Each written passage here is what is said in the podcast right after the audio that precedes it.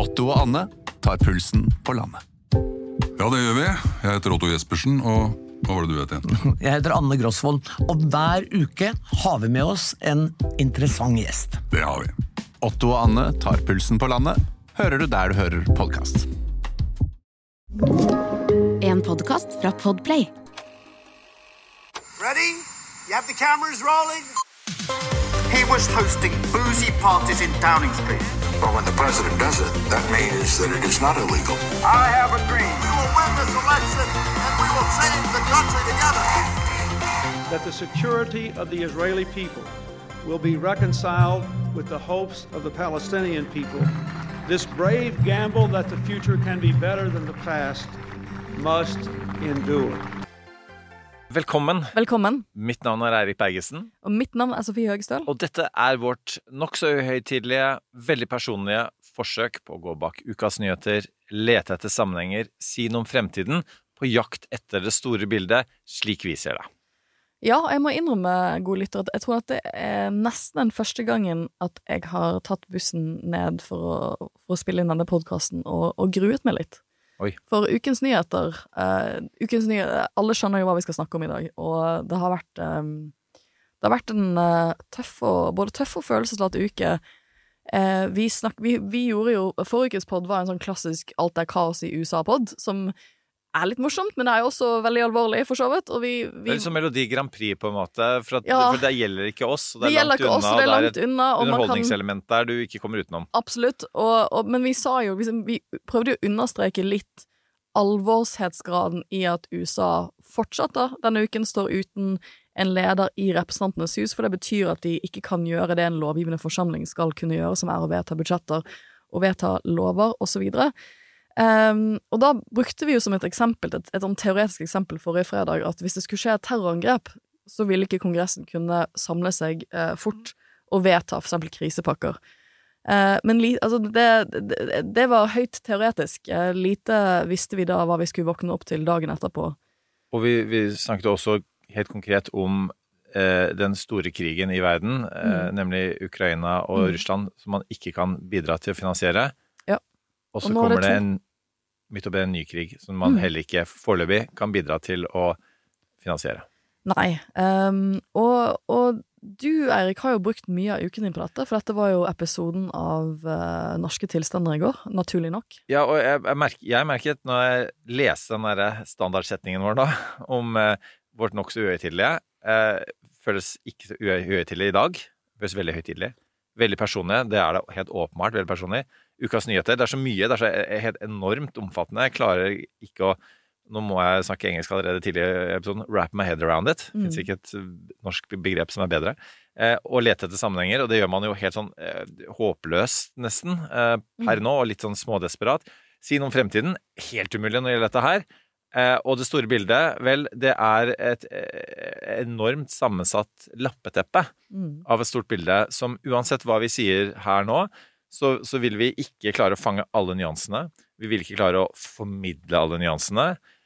Eh, men vi skal prøve, og det føles veldig meningsfylt. Vi skal prøve, og jeg Vi er jo ikke Midtøsten-eksperter, så vi måtte ringe, som vi ofte må gjøre, vi måtte ringe etter litt hjelp. Jeg har én forskningspublikasjon om Israel-Palestina-konflikten. Det var min, faktisk min første forskningspublikasjon. Da forsket jeg på at um, eh, Palestina hadde blitt medlem av den internasjonale straffedomstolen.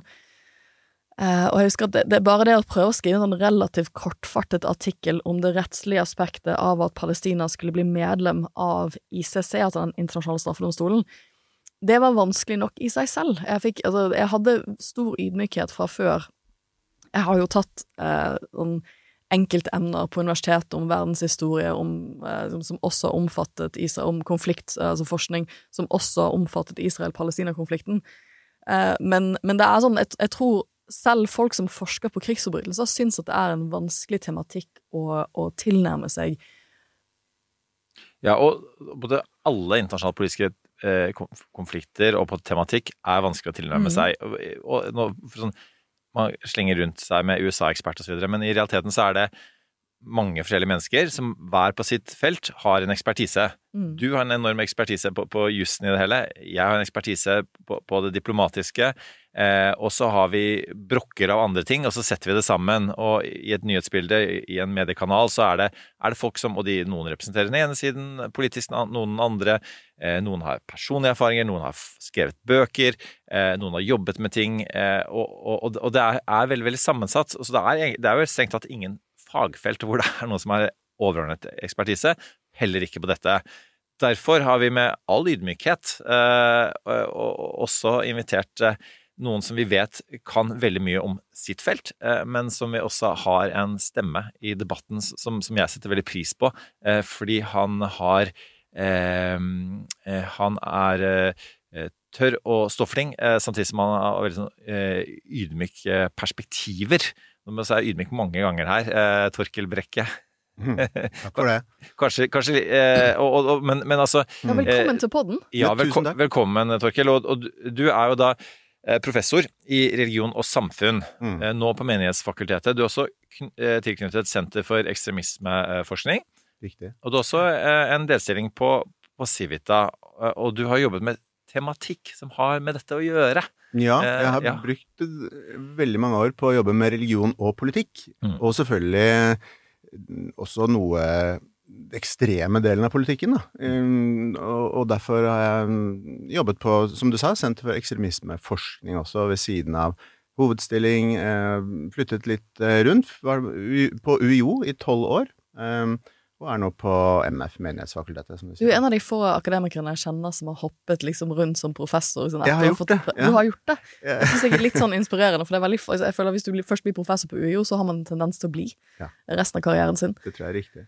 Men du har jo også midt, altså du, er, du har jo også områdemessig brukt mye tid på altså flere deler av verden, Mm. men også Midtøsten. Eh, Ja, jeg, jeg er jo ikke Altså, min doktorgrad og min ekspertise er jo ikke hovedsakelig på Midtøsten. Jeg jobber med Sør-Asia, og India, men jeg har fulgt Jeg har jo vært mye i regionen også, som du sier, Sofie. Altså vært eh, mye i Israel, eh, og har, har jobbet mye med, med relatert tematikk. Og selvfølgelig man, man må jo være interessert i Midtøsten når man jobber med religion og politikk. Mm. Eh, så, så det er selvfølgelig noe jeg har fulgt veldig lenge.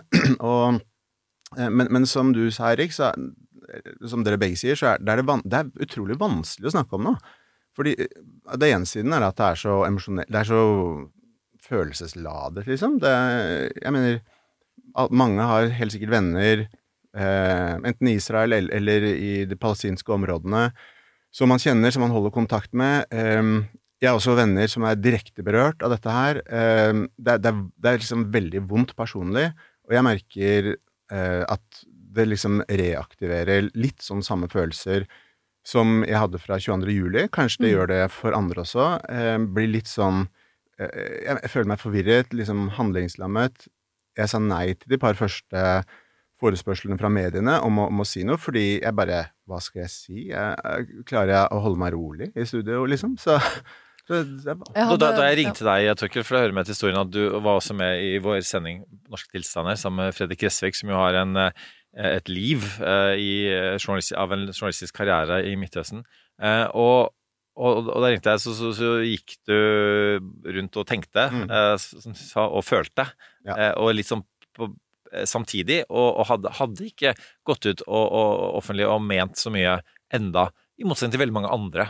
Eh, Mm. Vi har hatt, eh, hatt eh, enormt med sosiale mediedebatter. Vi har også hatt TV-debatter som eh, ikke har fungert, i den forstand at man har ikke fått en meningsutveksling. Og man har kanskje ikke blitt så mye klokere. Man har fått, eh, og Fredrik eh, Solvang sa det i podkastversjonen av debatten, hvor han heipa på en sånn disclaimer både før og etter med hva det var man hadde prøvd å få til. Mm. Og at prøvde å få til en type, type sånn øyeblikksbilde um, av de følelsene som var der, uh, og for å egentlig vise hvor vanskelig det er å snakke sammen. Fordi man eh, skildrer noe, en situasjon hvor folk snakker forbi hverandre, um, og at, at det var noe av hensikten. Eh, eh, og så lagde vi et program i går som, som folk er velkomne til å se på eh, gjennom helgen, eh, som hvor vi prøvde å gjøre noe annet. Eh, Vi prøvde å komme med litt sånn supplerende eh, kunnskaper eh, om, eh, om både det, det, historiske bakteppet og, og litt sånn situasjon på bakken nå, hva skjer fremover.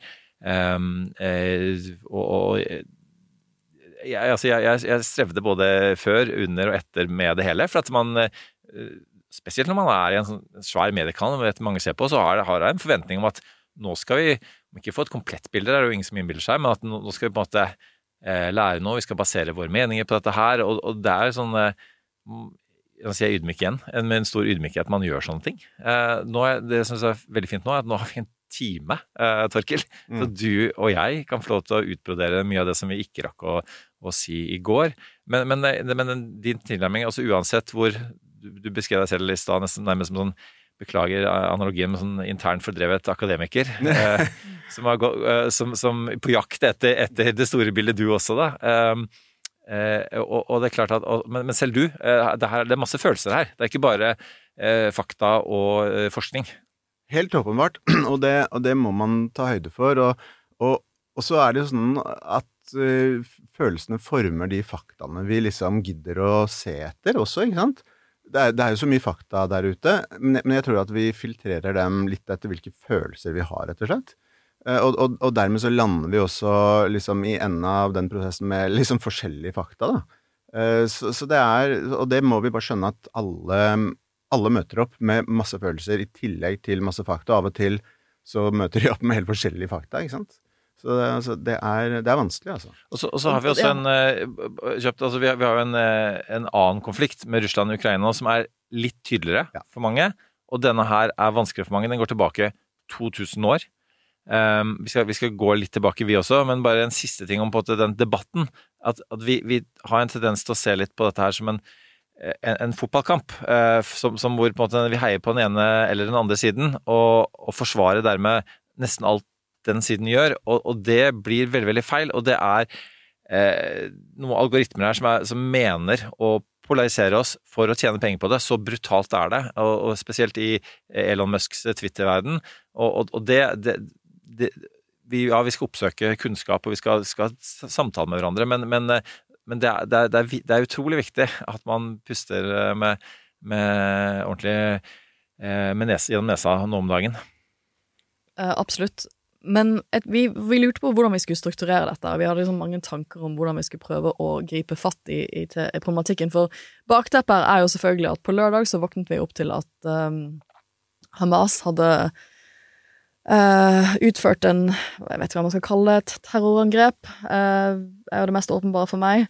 Uh, et stort, omfattende terrorangrep på israelsk territorium.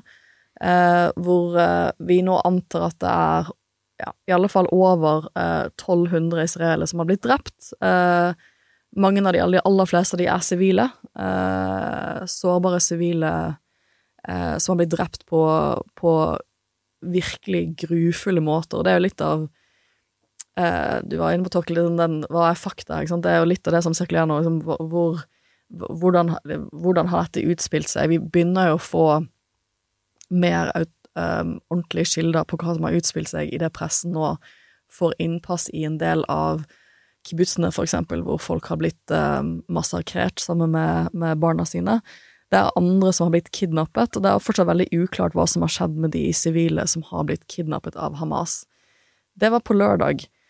Eh, nå er vi i en stasjon eh, hvor når vi sitter og spiller inn denne episoden, så eh, ser det ut som, eller alt tyder på, at Israel er i ferd med å, å gjøre en bakkeinvasjon av Gazastripen.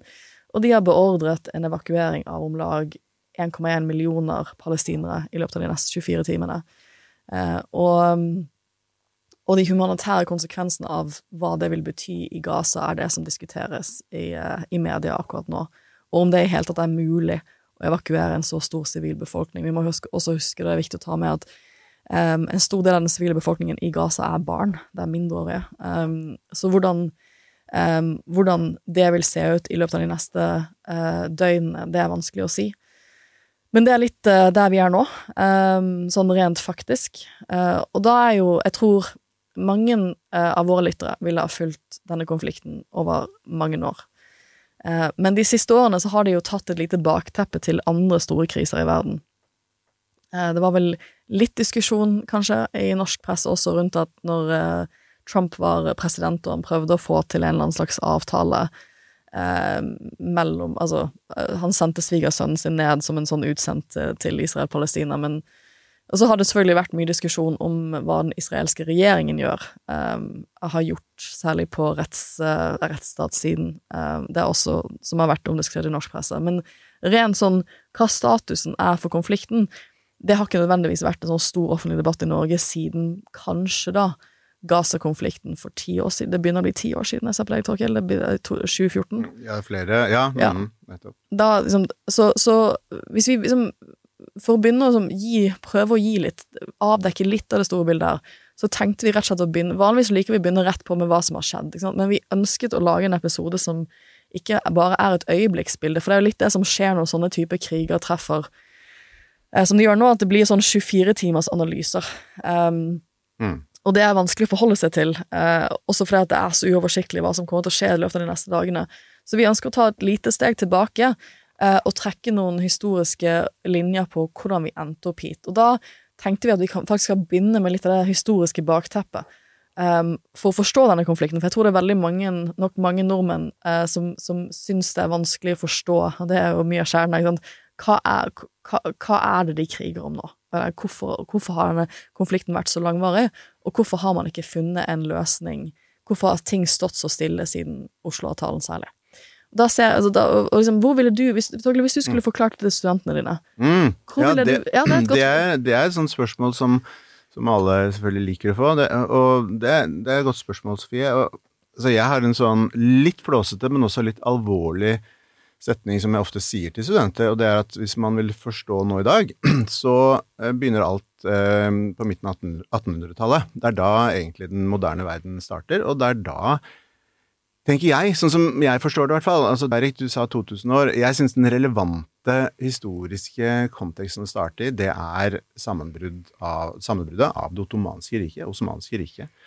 Som da, som da vi ser um, ikke? Og, og hvis vi ser fra, fra perioden 1880 da, og framover, så, så har man um, det, det store bildet er at man har dette enorme islamske imperiet i Midtøsten, og det vi nå kaller Palestina, det var jo selvfølgelig en del av det. Og det som er spennende, er jo å se på liksom, imperier, den type store imperier, de styrer jo land på helt andre måter enn moderne stater. Styrer ofte indirekte, ikke sant. Man har en guvernør her og en guvernør der. Samler noen skatter, så må du sende noen skatter videre til Istanbul eller London hvis det er det britiske imperiet vi snakker om. Så liksom imperier er noe litt sånn annet og litt mer diffust da, enn en moderne stater. Men, men på slutten av 1800-tallet så, så, så skjer det så utrolig mye ting i, i Midtøsten og Europa.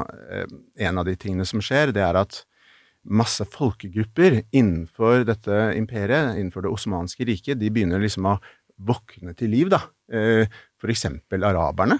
Begynner tenke, araberne begynner å tenke vi, vi bør jo ha en egen stat. Vi vil ikke være styrt av tyrkere. For, for dette imperiet er jo tyrkisk. Det er tyrkere som styrer Midtøsten, hele, og Nord-Afrika. liksom hele, hele greia. Og så araberne begynner å våkne til liv. Det samme gjør jo grekerne, armenerne.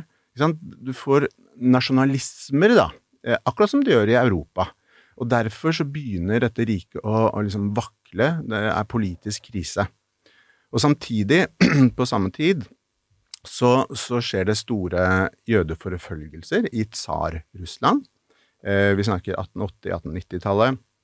Og dermed så får man en stor utvandring av jøder. De aller fleste jødene i verden bodde jo i, i østover. eh? Hele beltet fra Polen, Hviterussland, Ukraina eh, inn i Russland.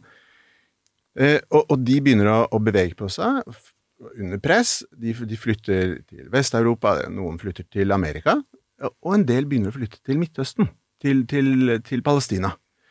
Eh, og så får man sionismen, da, som er én nasjonalisme blant mange nasjon, nasjonalismer da, eh, som oppstår i, i Europa. Eh, og, og dermed sionismen er Sionismen er, det er det er jødisk nasjonalisme. Det er ideen og bevegelsen som, som sier at jøder er et folk, derfor trenger jøder en egen stat. Akkurat som norsk nasjonalisme liksom er det samme. Vi, vi tenker oss at nordmenn er et folk, vi er et språk osv., eh, en, en kultur, selvfølgelig forskjeller, men vi, vi vil ha vår egen stat, da. Eh, og så er det masse forskjellig av avgreninger av sionismen. Poenget er at det her ting begynner å skje, da. Eh, eh, og så, eh, hvis man eh, skal liksom ta ett skritt framover, så kommer man da fram til, til eh, århundreskiftet, hvor jødisk eh, innvandring til Palestina øker. Men, men 2000-årsperspektivet er også interessant, Eirik, fordi det har alltid vært en jødisk befolkning Ja, var- i, i området her. Mm. Og, og hvis vi går virkelig langt tilbake i tid, før romertiden, så var det jødisk statsdannelse, selvfølgelig, i området. Det var romerne som, som på en måte kom og knuste alt, og gjorde at jødene forsvant fra området. Anyway, ehm, det som skjer, er jo første verdenskrig, ikke sant? Og med første verdenskrig så, så brytes alt opp.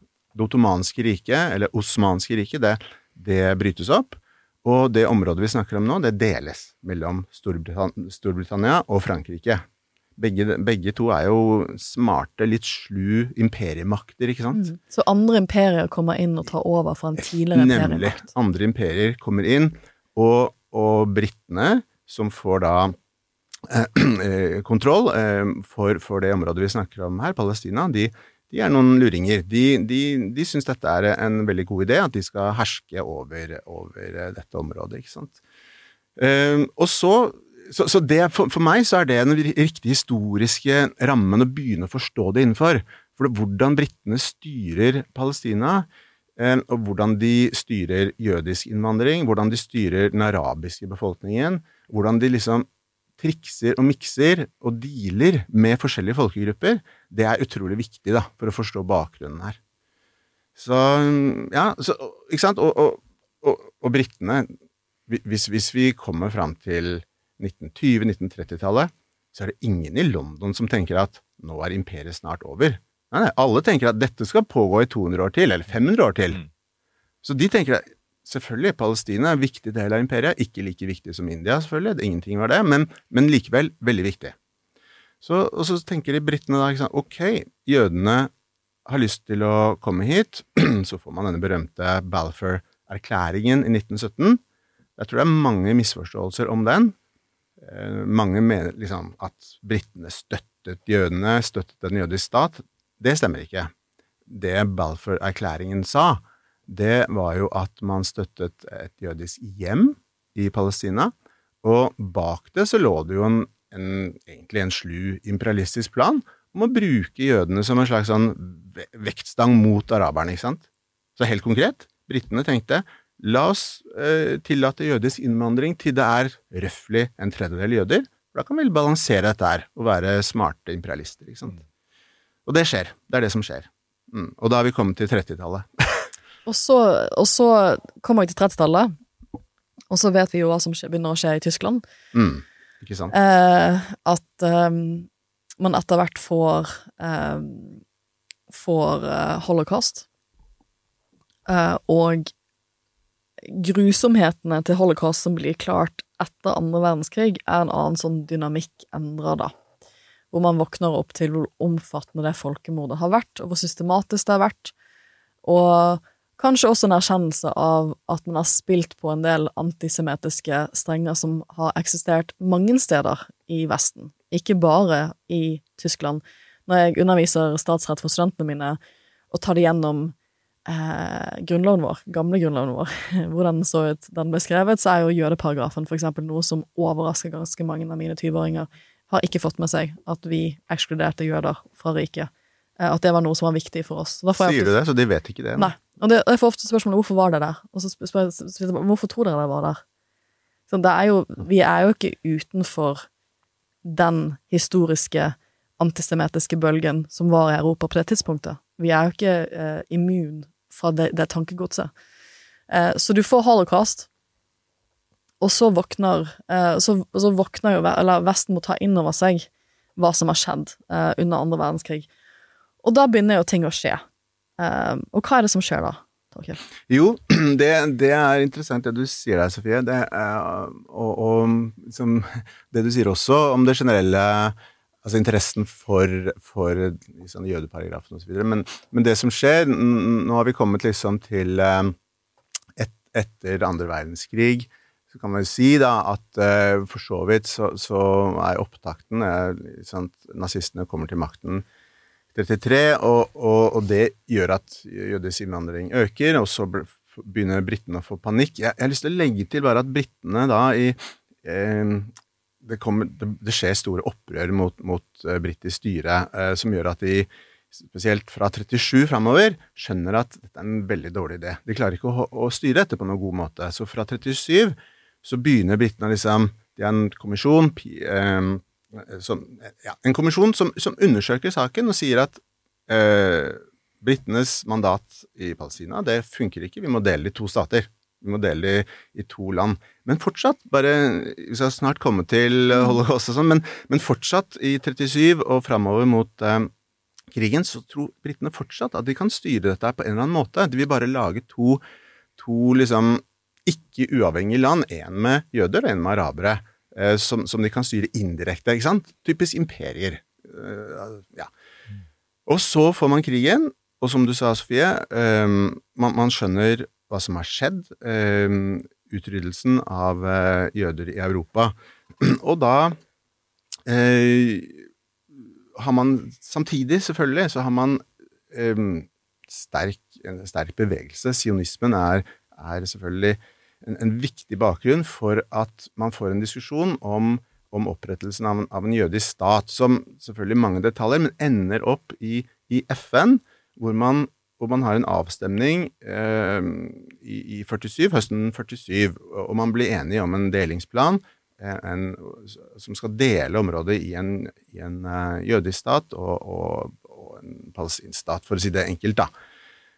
Og den, eh, den blir jo stemt igjennom etter masse forskjellig for så vidt lobbyvirksomhet, da. Eh, mest fra sionistisk side, kan man si. Så, så, så, så blir den vedtatt i generalforsamlingen. Eh, og så eh, godtar jo den ene siden denne planen, eh, altså jødene, men, men ikke den andre siden. Så får man umiddelbart en, en krig eh, mellom jødene og araberne. I Palestina. Ikke sant. Ja, helt riktig. Helt, helt, helt riktig. Ja. Som man kaller det en borgerkrig, jeg vet ikke helt, det, men, men det er i hvert fall en krig, da. Og resultatet av den krigen, det er jo at mellom 700 000 og 800 000 palestinere, de må forlate landet. Eh, så er det en diskusjon blant historikere. Det? Noen vil si at alle ble fordrevet, det var massakrer osv. Og så har man noen, i hvert fall til, i tidligere tider, som sa at de fleste flyttet av egen fri vilje, eller fordi arabiske ledere ba dem om å flytte. Eh, selvfølgelig er det i hvert fall i noen grad en fordrivelse av, av eh, den arabiske befolkningen. Så er det helt åpenbart også noen som, som flytter eh, så Dette er en del av, av krig, da.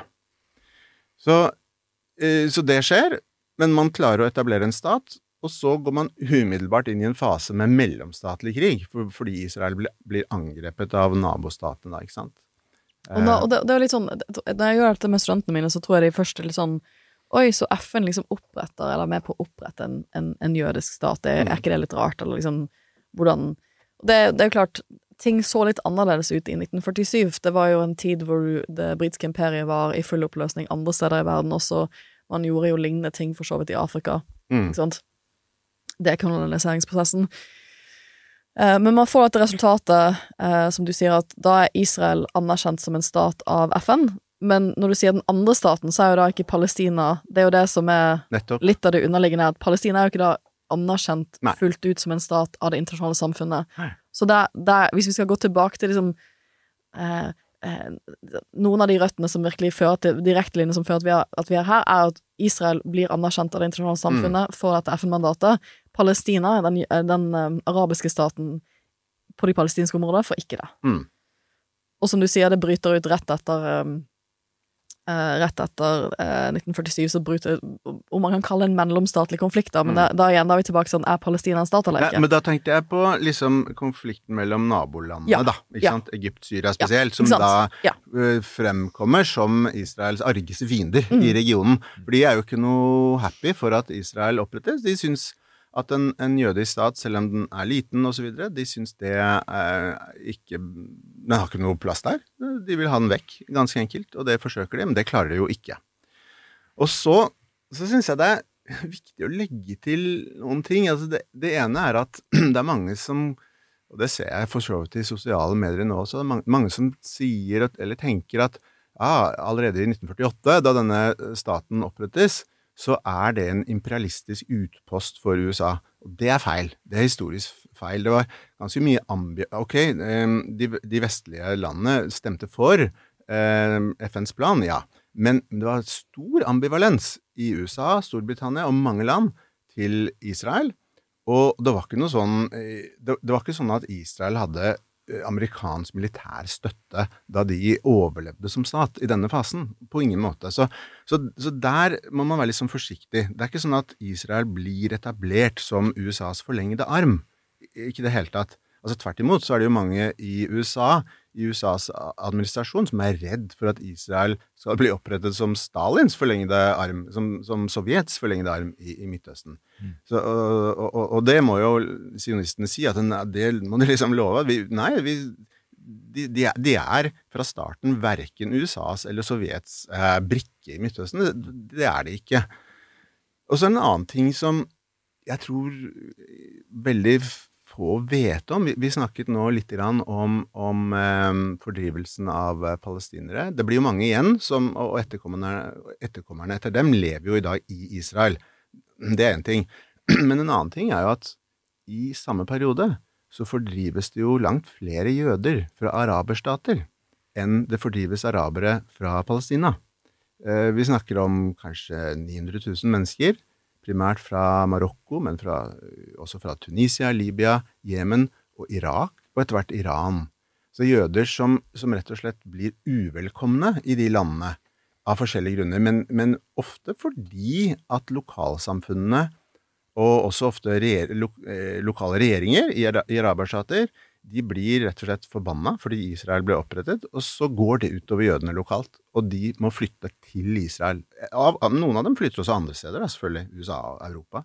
Men det er en, en, en stor fordrivelse av jøder fra hele Nord-Afrika og Midtøsten som skjer i samme periode. Det er lett å glemme det, da. Ungsamtalen fra DNB er økonomisk veiledning tilpasset deg som er ung. Bokk en ungsamtale på dnb.no. ung. Ok, det var jo en syk døll måte å forklare ungsamtalen på, da. Hæ? En smart prat om penga mine, ville jeg sagt. Ikke sånn kjedelig økonomispråk, skjønner du. Skal du pusse opp eller bygge noe nytt? Ikke kast bort tid på å lete etter håndverkere selv. Gå inn på mittanbud.no og lag en beskrivelse av jobben du ville ha gjort. Så mottar du tilbud fra flere erfarne håndverkere som du kan sammenligne. Med mange tilbud er du sikrere på at du velger riktig bedrift, og at jobben blir skikkelig utført. Mittanbud.no få jobben gjort. Mange grunner til at dette er en sånn uh,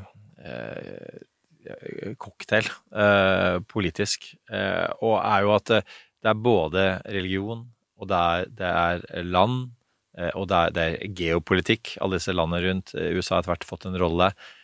Så, så det, det, er jo en Fredrik Gjessviks uh, bok. Han har jo skrevet flere. Uh, men 'Evig krig' er jo Han måtte til med love forleggeren sin om, om at nærmest at oppfylle det den tesen. Og så sa han det, det vil ikke være vanskelig, fordi, fordi sånn, er, sånn, er, den regionen. Og jeg har jobbet mye med Balkan, og, og, og noen har en sånn idé om og, og, Da Jugoslavia-krigen brøt ut, at ja, men der, der er det alltid krig det var dømt til å bli krig. Og jeg syns det er forferdelig vanskelig, eh, mm. både som statsviter og som diplomat, å, å si. Eh, fordi at eh, for det er eksempler på, på, kriger som har tatt slutt. Sånn, sånn at, og, og, det er selv om ni av ti fredsprosesser mislykkes, så er det én av ti som lykkes. Og, og, og, vi skal komme tilbake til håpet her, og gjøre så godt vi kan. Jeg vet at det er vanskelig, men, men, men i, etter hvert nå så, så, så nå, nå, blir det storpolitikk eh, av dette. Nå begynner stormaktene å, å, å, bli en del av, av dette, Torkil. Helt klart. Og krigene, og krigene, fortsetter. Ja, ja. Så kunne man snakke om Suez-krisen og osv. osv. Det er stormaktspolitikk, som du sier, intriger. Men, men, det viktige årstallet som alle må kunne, mm. altså, et, altså 48, ja, da blir staten Israel opprettet. Det, det, neste årstallet som alle må kunne, som tenker om dette, det er 1967. Mm. Fordi at i 1967 så så, så, er det tegn, Israel ser tegn til at Egypt og Syria igjen uh, bygger opp uh, styrker for å, for å, gå til krig mot Israel. Og så gjennomfører Israel et uh, forkjøpsangrep. Um, poenget er at man får det som vi kaller seksdagerskrigen, da, sommeren 1967. Og det forandrer kartet i Midtøsten på helt sånn grunnleggende måter. Eh, det medfører at Israel utvider grensene sine voldsomt. Eksempel det vi i dag kaller Vestbredden, det var jo en del av, av Jordan, eh, som da Israel erobrer. Eh, Gaza, eh, Sinai, Golanhøydene osv. Så, videre. så Israel får plutselig kontroll over masse, masse land som de ikke har hatt før, og som tidligere har tilhørt naboland. Så, så man står igjen med en situasjon hvor, hvor de arabiske statene, spesielt Egypt og Syria, da selvfølgelig føler seg ydmyket. Og, og, har tapt en krig mot, mot Israel. Og, og tapt land. Ja, og tapt masse land. Masse, ja. og, det, og, det, er viktig, for jeg antar at mange av lytterne våre har hørt om disse 19... Altså, det er jo eh, når, når, du har en, en, debatt om Palestina og Israel, så blir det fort hvor skal du ta grensene fra? Er det 1948-grenser du snakker om? Er det 1967-grenser du snakker om? Og det er jo med utgangspunktet i disse to skjæringsmomentene, som du sier, for da vokser Israel i størrelse, og mange av de territoriene som Gaza, for eksempel, som vi nå som, som nå liksom, er i den humanitære stasjonen som Gaza er i, hvor det kanskje blir en ny fullskala bakkeinvasjon, det er jo da et av disse områdene som, blir, eh, som, som Israel tar i, i, løpet av denne krigen. Og så er jo, midt oppi alt dette, så er det jo ikke noe avklaring rundt en palestinsk, eller en arabisk-palestinsk stat mm. Mm. i 1967. Nei, og, nei, alt du sier der, Sofie, er superrelevant. Og så tenker jeg det er en et annen dimensjon ved det som jeg syns er fryktelig spennende. Eh, I hvert fall hvis man er opptatt av idéhistorie. Og det er liksom den symbolverdien som 1967-krigen får. Eh, ikke, altså, den får selvfølgelig enorm symbolverdi for, for mange jøder. De tenker at nå altså, de mer religiøse og, og liksom, de som tilhører liksom, den ekspansive sionismen, da, som tenker, de, de blant Israels befolkning som tenker at de har en slags religiøs rett på landet. De tenker dette oppfyller liksom drømmen om, om et Stor-Israel. Det, det er ikke alle, eller majoriteten, det er ikke det jeg sier, men noen tenker det. Men så får også krigen stor symbolbetydning i hele verden, egentlig. Her i Norge får den kjempebetydning, og hele Vest-Europa eh, osv. Og, og noe av poenget som jeg tror er viktig å, å formidle, som folk kanskje bør, bør vite, da, det er at eh, 67 er også liksom eh, da man et, Det er etter det man får en Palestina-bevegelse. Mm. Det er etter det det kommer i, i, både i Norge og i mange eh, vestlige land Man får en slags gryende solidaritet med palestinerne. Det henger selvfølgelig sammen med ting som skjer i Midtøsten, men det henger også veldig tett sammen med liksom, det store eh, politiske utviklingen, hvor man sant, alle, alle, har hørt om begrepet 68-generasjonen. Så poenget er at på 60-tallet og gjennom 70-tallet så får man en, en bred Man kan kalle det en venstreside, som er veldig antiimperialistisk i, i, både i Norge og resten av, av, av Vest-Europa. Og for dem, for den liksom antiimperialistiske og politisk veldig aktive venstresiden, så blir Palestina-spørsmålet kanskje den viktigste symbolsaken da, etter 1967. Vietnamkrigen spiller jo også inn i dette. Enormt viktig, så den er kanskje for mange enda viktigere, som du sier, Eirik. Men, men, men, men, det er jo grunnen til at Palestinakomiteen i Norge grunnlegges i 1970 mm. som en direkte konsekvens av 67-krigen eh, og, og, den nye bevisstheten her, da. Så, så, og, så, det er der liksom Det er der på mange måter liksom, det, er i kjølvannet av krigen i 67 og, og, og, alt som skjedde etter det, og denne opp, altså, oppvåkningen, eller politiske oppvåkning av, av venstresiden, det er, det er, der mye av eh, forutsetningene og rammene legges for hvordan, snakker, hvordan, vi snakker om det i dag også, mener men jeg, da. Ja for, ja, for, jeg hadde faktisk noen spørsmål fra, fra en tidligere student for noen år tilbake som var sånn Hvorfor har det blitt sånn at dette er en sånn venstre-høyre-sak? Mm. Hvorfor er det slik at på venstresiden så er det um, snakker man om palestinsk frigjøringskamp, mens på høyresiden så bruker man også i Norge sant, bruker man mye mer tid på å snakke om, om, hvor viktig det er for Israel å kunne forsvare seg selv, osv. Det tror jeg, det, det skjønner jeg, det, det, er jo liksom, det er der dette begynner å oppstå. Det er et supergodt spørsmål. Ja, det, er, det er et kjempegodt spørsmål. Det, er et fantastisk spørsmål. Um, hvorfor er det blitt en venstre-høyre-sak? Og, og, det burde jo ikke være det. Ja, For det gjør det jo enda mer betent på noen måte. Det, det skaper jo enda mer sånn politisk polarisering rundt spørsmålet. Det gjør det. Og, og, noe av svaret er liksom litt det jeg snakket om, at, at venstresiden tar denne saken til sitt hjerte. Og, og, og øh, men, mens samtidig så har man hvis vi ser på Norge, da, historisk, så har man jo en ganske betydelig øh, kristenbevegelse i Norge. Og da, da, snakker jeg ikke bare om statskirken, altså, men jeg snakker om kanskje det man kaller bibelbeltet i Norge, hvor det er mye så Norge Vi skal ikke glemme at Norge, og for så vidt Sverige, er ganske viktig land for det, det vi kaller karismatisk kristendom. da. Eh, som, så, går litt så under statskirken. Det er ikke statskirken som er viktig for dem, det er mer det hele verden. Det er en annen liksom, form for kristendom. Og for dem så er Israel eh, kjempeviktig. Og, og, det er jo De plasserer seg jo veldig ofte på høyresiden politisk.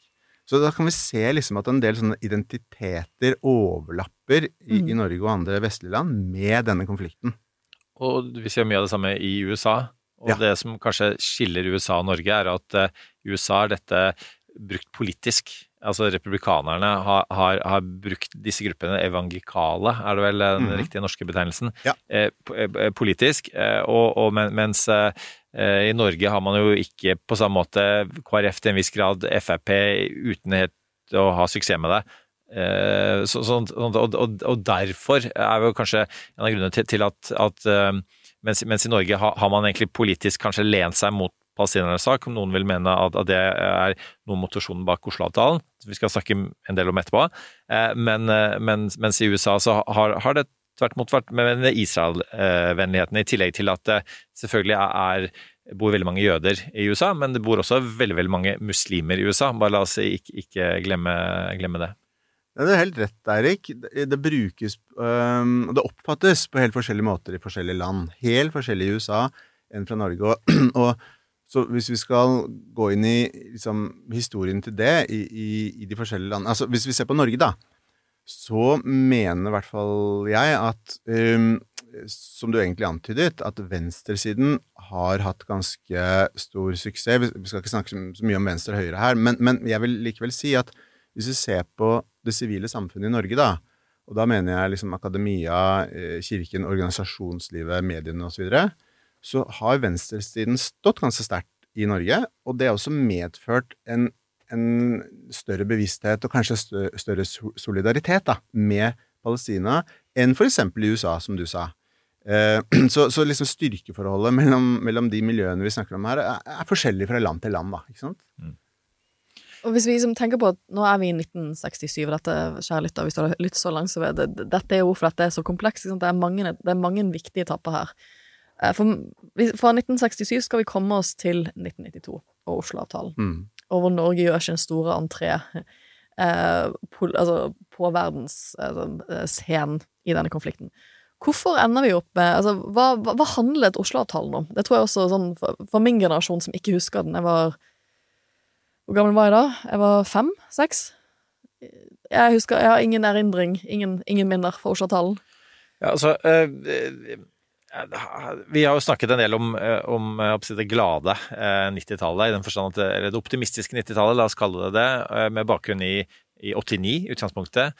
89-erne har blitt et begrep, bl.a. i Torbjørn Røe Isaksens han innom her, bok, og, og, og, snakket om det her også.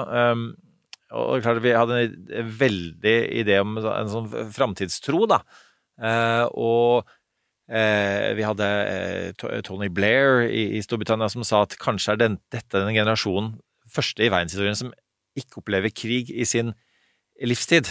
Som jeg oppfatter er en, en, en, sørgelig, nesten naiv ting å si sånn i ettertid, men ekstremt håpefullt. Eh, og, og også det med venstresiden er ikke helt eh, eh Altså, det, det, altså en litt sånn derre Wilsonian, som man snakker i USA. Altså sånn, man skal, skal, skape verden i, i, sitt bilde. Her skal man organisere seg til en bedre verden på kort tid. Eh, er, eh, man skal se litt vekk fra både historiens idé om at, eh, verdens, om at verdenshistorien maler sakte. Um, Bill Clinton i, i, som president i USA også er, er også relevant her. Og så, så, har du Johan Jørgen Holstad, som var norsk utenriksminister, som, som døde bare noen få måneder etter Oslo-avtalen, ble erstattet av, av Godal. Men, men som veldig sånn, og, og så, så, er jo da Mona Juel, eh, som er i UD, Terje Larsen, som er utenfor, opprinnelig fra Fafo, um, sentrale her. Eh, og så ender man opp med å lage altså, Tenk, tenk hvor utrolig altså, altså Norge går inn og gjør det som USA og partene ikke fikk til. Um, og, og, og, nærmest og, jeg husker jo Altså, vi hadde jo Jeg var jo i seksjon for fred og forsoning i UD, hvor vi jobbet generisk med fred. Altså prøvde å finne en fredsformel. Uh, og, noe av det uh, som også er en ganske sånn uh, modig, kanskje litt overmodig oppgave. Men noe av det handler om, om, noe som er helt reelt. Den norske modellen. dere er jo begge en del av akademia. Det tette forholdet til akademia. For det fortrolige forholdet til media. det at, at, at her kan man holde på Eh, i, i, noenlunde hemmelighet. Man kan ta med seg aktører til Norge. Eh, man setter mye ressurser inn i det. Inn i det. Eh, på tvers av vekslende regjeringer så vil man holde fast på prosesser som, som vil måtte ta mange, mange tiår.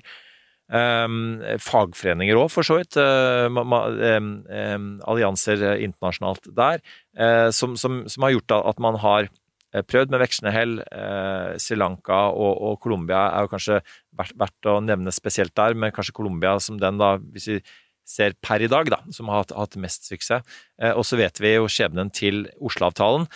Eh, men, men, men, det man håpet og, og, trodde på, var en tostatsløsning. Eh, man håpet å bygge opp eh, det som man enda ikke hadde hatt, en, en palestinsk stats eh, en eh, anerkjent palestinsk stat mm. internasjonalt? Rett og slett. Og, og da bygde man gjorde to ting. Man, man, prøvde å bygge infrastruktur for å få det til, og så, og så sikret man da eh, finansiering eh, for å få det til.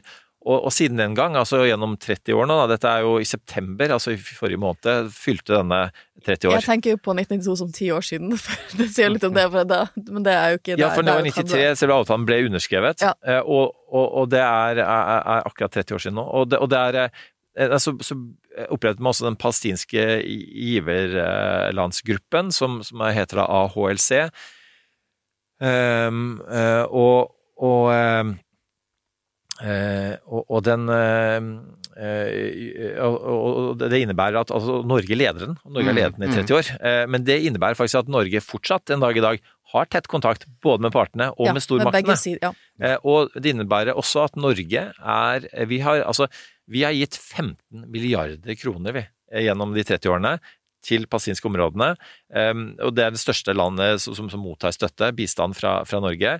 Uh, og så uh, har jo denne infrastrukturen vi har prøvd å bygge ut, blitt revet ned uh, gang på gang, og vi har vært med å bygge den opp igjen.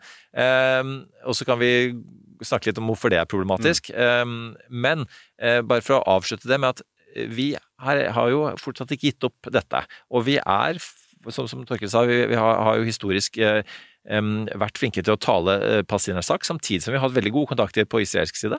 Uh, og det har vi fortsatt med. Uh, og da vi avsluttet vår sikkerhetsrådsrunde nå, så, så, så jo, har vi jo da i løpet av den perioden vært kanskje blant de få, kanskje den eneste mange ganger, som har talt palestinernes sak. Vi har også fått til en ordning hvor 20 000 eh, eh, palestinere fra Gaza har jobbet, med, vi har vært med å lage dette da, eh, på, på, israelsk side. Men ideen om at, at her eh, møte mellom mennesker, eh, en type sånn slags sånn økonomisk avhengighet mellom de, eh, er, med å forsterke det hele. da vi snakka om 2014 nå i stad, og, og, og, trefninger der, eller krig la oss bare si det som det er, på Gaza, så, så var Børge Brende veldig instrumentell eh, som, som Høyre-utenriksminister til, til, på den gjenoppbyggingen etterpå, eh, sammen med blant annet Egypt. Og, og vi kommer jo dit på et eller annet tidspunkt her også, men la oss bare si det veldig tydelig at Norge per nå har jo ingen Det er ingen diplomatisk spor. Nå er det militær makt som gjelder i en tid fremover. Um, og så får vi se hvor lenge det varer. I 2014 så varte det vel i 51 dager. Mm. Um, og, og, og, det enorme eh, økonomiske selvfølgelig og menneskelige kostnader, det vil skje igjen. Og vi, vi, fantasien setter bare grenser på hvor ille det kommer til å bli. Men, men det, eh, Jonas Gahr Støre, som nå er dette fredag, i går i Stortinget, sa jo at, at han har ikke oppgitt det, dette sporet. Han, det er fortsatt et, Selv om Norge nå har på en måte terrorlistet, nå sier jeg det i gåseøynene, Hamas, fordi vi, Norge har ikke en sånn liste. Nei, EU har en liste, FN har en liste. Det er mange gode grunner til at vi ikke har terrorliste, for da må ja. man begynne å definere hvilken organisasjon som skal på en terrorliste, og det er kjempevanskelig. Og terror er et ullent begrep. Det kunne vi brukt en Fikk også gode spørsmål fra lyttere. Som, er, liksom, hvorfor blir Hamas kalt en terrororganisasjon? Hva er liksom forskjellen mellom en terrororganisasjon og andre organisasjoner? Og det enkle svaret er at det, terror er et såpass omstridt begrep, eller terrororganisasjon er et såpass omstridt begrep, at det fins ikke noen sånn internasjonal konvensjon eller juridisk definisjon på hva det er. Ordentlig ennå. Det, har- det, det har jurister kranglet om i 40 år, da. Og jeg vet at du kan alt om det, Sofie. Men jeg hadde lyst til å stille deg et spørsmål, Erik. Ja. Jeg, skal ikke, jeg er ikke programleder, men Jo, jo. jeg ble, jeg ble Jo, nysgjerrig. dette er en samtale. Jeg ble så nysgjerrig fordi at jeg vet at du har den diplomatiske bakgrunnen du har. Mm. Og så snakket du nå eh, ganske inngående om hva Oslo-avtalen var eh, og skulle bli. Men så Spørsmålet mitt eh, går som følger. Hvis man leser spesielt kanskje norske medier, norske eh, kommentatorer osv., så, videre, så, så syns jeg det ser ut som det har satt seg en, eh, en idé om at Oslo-avtalen fra starten av, eh, eh, eller, eller de samtalene man hadde, de, eh, de var ikke helt genuine. Eh, man, man leser ofte at, at mange hevder, eh, så, som jeg ser det, i Norge, at israelerne aldri egentlig ønsket fred. Mm. Men, men hvis jeg leser historisk materiale om det, eh, og, og det som liksom litt mer grundige ting, så, så mener jeg at det er helt åpenbart at begge sider hadde et genuint håp, og, og en, et, i hvert fall en realistisk håp om at dette kunne føre fram. Og, og, og det er nettopp sluppet en del nye arkivmaterialer i Israel, blant annet, som, som jeg tror støtter det. Jeg bare leste det sekundært, da. Eh, så, så spørsmålet til deg, Erik, det er liksom eh, er, er ikke det helt feil å si at dette bare var lureri? Jeg er veldig glad for det spørsmålet.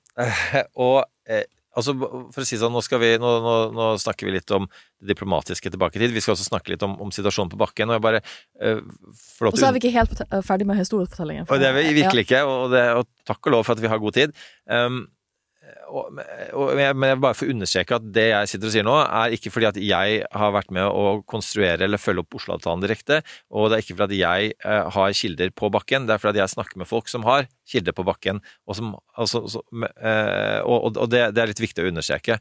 Um, men det er nå en gang jobben også til en eksdiplomat å ha, ha, snakke med ulike folk. Og, men, men når det gjelder akkurat Oslo-avtalen, så har vi faktisk snakket med folk som, som, som var der. Eh, og Bjørn Tore Godal er en av de. Eh, han, eh, han overtok jo da rett etter at Holst døde. Og han sier altså da, på telefon denne uka her, at akkurat det poenget ditt, israelerne trodde på det. Og han bruker som formulering sånn Jeg så det inn i øynene. Men Eh, vi satt i er- samme rom. Hvorfor har den oppfatningen satt seg? Ja, hvis, hvis den har og, og det, det, dette, er jo all, dette er jo all grunn til nå eh, å å på en måte tenke på nytt Mosleavtalen. Eh, både i forhold til eh, altså, Norges rolle. Skal vi fortsette denne giverlandskomiteen? Skal vi Er vi Og hele konstruksjonen som det, altså det innebærer jo at vi gir jo penger til palestinske eh, områdene, eh, altså, altså palestinske selvstyreområdene, altså Vestbredden, Ramallah, og ikke, eh, ikke Gaza. Direkte, Det kan vi komme litt mer inn på et, etterpå, hva det, hva det innebærer, altså hvordan palestinerne har delt seg i to der. Men, men, men og, og, og bistanden vår går- da ikke til f.eks. til Hamas eh, direkte. Men eh, Nei, altså, altså Man mente den gangen eh, at ja, israelerne var med på det. Eh, det, er eh, Man har alle sine baktanker og sånt i, i, i sånne prosesser. Eh, ingen er naive, i hvert fall ikke partene i en sånn konflikt. Men, men, men ja, det var genuint. Det syns jeg Jeg vil gjerne dele den oppfatningen. eh, basert på de jeg har snakket med, og, og det er ganske mange av de som var involvert den gangen, i, løpet av uka. Um, og, og, og det- er um, og, Ja, så det, dette det kan du mer om enn en meg, eh, Torkel, men, men ja, Israel ville også vært tjent med at Oslo-avtalen fungerte som den var tenkt. Og så er en del av historien um, En sa det til meg så direkte at eh, det er ikke noe i veien med Oslo-avtalen. Det er Hamas som fra starten av torpederte den. Det er interessant. Eh, og jeg skal bare legge til det også, før du kommer med din vurdering, Torkel. Israel også torpederte den, blant annet ved å og drepe sin egen eh, eh, statsminister Itzhak Rabin. Ja, det, det var jo Det kan du si, Erik. Det var jo ikke drap utført av Israel som stat, det var en ekstremist, ekstremist, En- en- en en ekstremistisk jøde, ja, ja, men på den siden, da, Ja, av- ja. Nei, du, du har rett i det, men og, og Og jeg, jeg syns akkurat nå, i den situasjonen vi er i nå, så er jo det du sier, Eirik, om Hamas sin rolle um, under Oslo-prosessen ganske viktig at folk vet, faktisk. Ja, for, for hva, når er det Hamas oppstår, og hva er Hamas? Nei, Ham- Hamas eh, oppstår jo som en både en sosial og politisk bevegelse. Eh, egentlig egentlig eh, springer ut av Det muslimske brorskap, som er en sånn viktig grasrotbevegelse eh, i, i hele Midtøsten, for så vidt. da.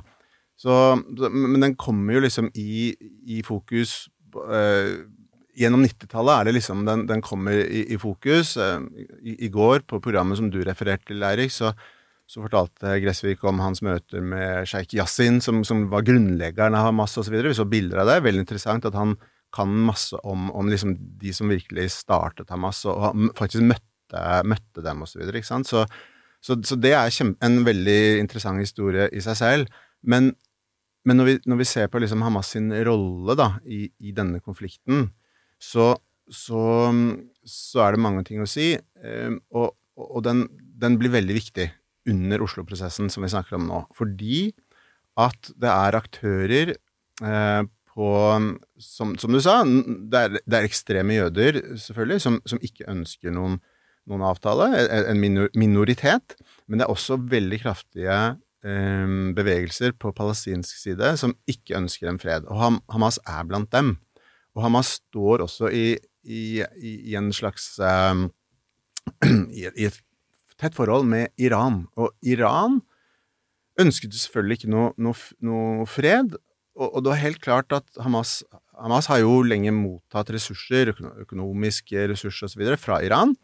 Og, og, og vært i samforståelse med at Oslo-avtalen må senkes. Så, så Hamas ble, sammen med andre mindre palestinske militante bevegelser, så ble det liksom det vi kaller en spoiler da, eh, for Oslo-prosessen. Og en veldig effektiv spoiler. Fordi de gjennomførte jo mange eh, eh, terrorangrep mot eh, sivile israelere under prosessen for å ødelegge den. Og det, vi, hvis vi, det er vel sånn ca. 1987 vel Hamas oppsto etter Ja, en av slutten inta- av 80-tallet, intifadaene. ja, Um, eh, og også viktig også å presisere at de er jo Første religiøse, som du sier. ikke sant? Eh, Det er Ja, vel, altså, altså sunni-muslimske. -hmm. uh, I motsetning til PLO, som, som er sekulære. Og det er jo en, en, av, en av motsetningene der, da. Helt klart. PLO eh, er jo denne paraplyorganisasjonen som etter hvert eh, samler eh, flere palestinske grupper osv. Så, videre, så, så som du sier, de fleste av disse gruppene, Fatah og, og de andre, de, de, de er jo sekulære.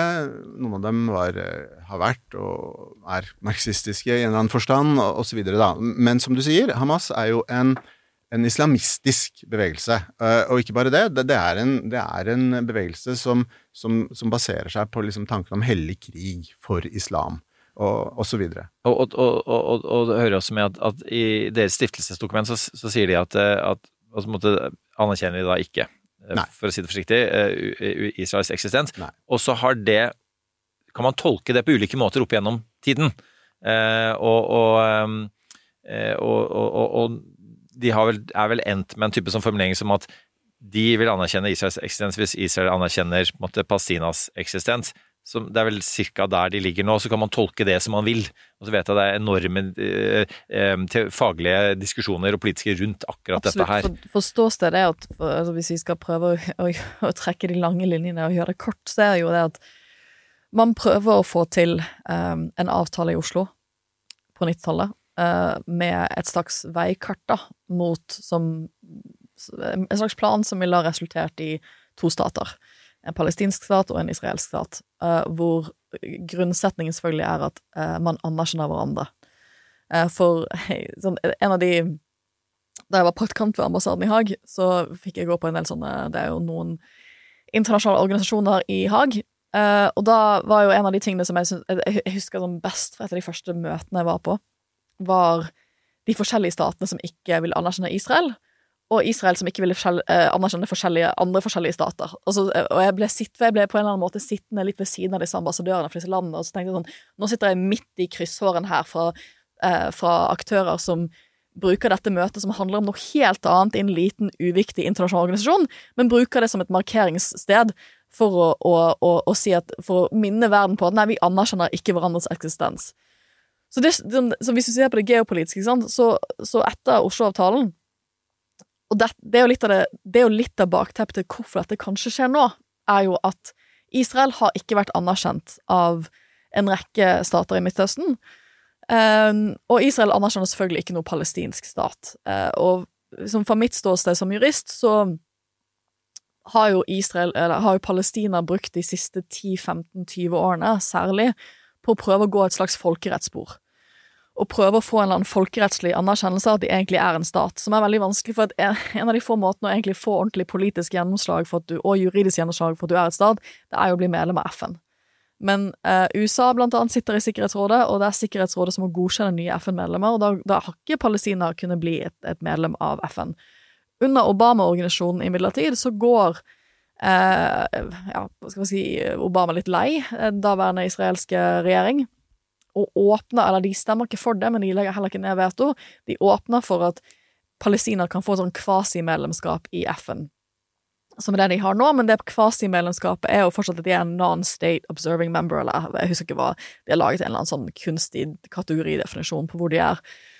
Så de har brukt forskjellige typer sånn folkerettslige mekanismer, blant annet det å bli medlem av Den internasjonale straffedomstolen. Når jeg får spørsmål om det, så, jeg, så jeg ser det ofte fordi folk lurer på hva, hva kan det bety. Kan Den internasjonale straffedomstolen etterforske? Det, det kan de absolutt, men jeg tror nok litt av taktikken fra palestinsk side man kan bli medlem av Den internasjonale straffedomstolen, er jo det at Den internasjonale straffedomstolen kunne ha stater som medlemmer. Så hvis de har fått lov til å være medlem av Den internasjonale straffedomstolen, så er det nok et tegn på at de egentlig er en juridisk stat. Eh, og at det de kanskje først og fremst er på jakt etter Jeg tror, ikke, jeg tror veldig mange palestinske jurister, jeg har møtt noen av de som har jobbet med dette, har ingen illusjoner om at israelere kommer til å ende opp i, som, i krigsforbrytersaker foran i Haag. Men det de nok tenker er at hvis du da får noen rettsdokumenter fra Den internasjonale straffedomstolen, som for eksempel anerkjenner Vestbredden som palestinsk, så har du allerede kommet et godt stykke på vei, ikke sant? Eh, så det er dette internasjonale folkerettssporet som du ser har blitt veldig viktig de siste 10-15 årene, men et folkerettsspor løser jo ikke den politiske situasjonen. Det er ikke en politisk løsning. Og på den andre siden så har man jo sett at um, israelsk um, bosettelsespolitikk ikke sant, har blitt gjenstand for et kritisk folkerettsblikk. Uh, FN har uttalt, uh, og gjennom da Sikkerhetsrådet i den lille perioden hvor Obama ikke ønsket å, å legge ned veto, har anerkjent at det er folkerettsstridig, mye av den bosettelsespolitikken som skjer på Vestbredden. Og det er jo en av de forholdene som Den internasjonale straffedomstolen nå ser på, da. Så, og, og, og, selvfølgelig, Den internasjonale domstolen i Haag har også sett på uh, lovligheten av muren, for eksempel. For det blir jo ikke noe løsning etter Oslo-avtalen. Og det som heller skjer, er jo at du har hatt uh, at, at, vi er tilbake til liksom Jeg vet ikke om man kan si at ting har forverret seg. Jeg vet ikke om du ville sagt at ting har forverret seg siden 1992? 1993? Jo, det tror jeg alle ja, er enige om. Det tror jeg alle er enige om. Det liksom, det, det, det er jo ikke noe um, det er jo ikke noe politisk eller juridisk løsning i sikte. Uh, og så er vi tilbake til denne stor, stormaktsteppet. For litt av det som ligger bak her, som jeg snakket om i poden før, eller vært innom det, det er jo uh, muligheten nå for at det skulle komme en avtale mellom Israel og Saudi-Arabia, mm. som ville anerkjent, hvor Saudi-Arabia endelig ville anerkjent Israel som en stat.